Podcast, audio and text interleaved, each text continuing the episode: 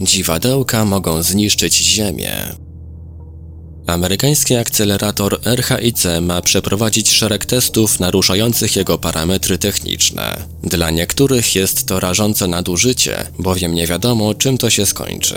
Jednym z niepokojących scenariuszy jest wygenerowanie przez zderzacz dziwadełek, egzotycznych cząsteczek, które mogą zmienić Ziemię w martwą i ultragęstą kulę o średnicy 100 metrów. Uczeni pracujący przy zderzaczu ciężkich relatywistycznych jonów, po angielsku Relativistic Heavy Ion Collider, czyli RHIC, który znajduje się w Brookhaven National Laboratory na Long Island w Nowym Jorku, badają zachodzące z ogromną prędkością zderzenia jonów pokazujące, jak mógł wyglądać wszechświat na sekundy po wielkim wybuchu. Otwarciu placówki w 2000 roku towarzyszyły identyczne obawy, jak w przypadku wielkiego zderzacza hadronów. Wśród nich były apokaliptyczne scenariusze zakładające, że w wyniku eksperymentu mogą zostać wygenerowane czarne dziury lub egzotyczne cząsteczki, które pożrą Ziemię.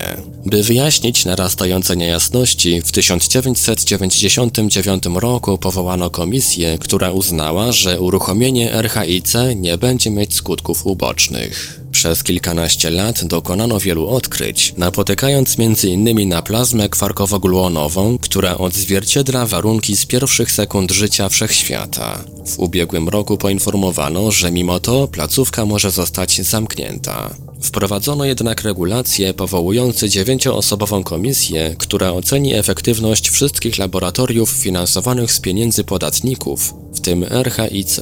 Profesor Eric E. Johnson z Wydziału Prawa University of North Dakota oraz Michael Barham, emerytowany profesor Szkoły Prawa przy Boston University uznali, że jest to doskonała okazja do ponownej oceny kwestii bezpieczeństwa związanych z RHIC. Postulują, by przy okazji ewakuacji kosztów stworzyć panel ekspertów, którzy ustalą, czy akcelerator nie stwarza zagrożenia dla Ziemi. Powodem jest to, że operatorzy RHIC planują zwiększyć jego moc 18 razy ponad ustaloną normę. Jak mówią, ma to dostarczyć więcej informacji na temat rzeczonej plazmy kwarkowo-gluonowej i jej ewolucji w normalną materię. Johnson i Barham zwracają też uwagę na fakt, że RHIC operuje w znacznie mniejszym zakresie energii niż powinien. Przeprowadzono już wiele tego typu testów, a w 2014 roku planowany jest eksperyment z mocą 7,3 gigaelektronowoltów z oryginalnych 100 gigaelektronowoltów. Paradoksalnie jest to bardziej ryzykowne. Rozważania teoretyczne wskazują, że najbardziej niebezpieczne zdarzenia mają miejsce w zakresie energii niższym niż ta, na której operuje RHIC.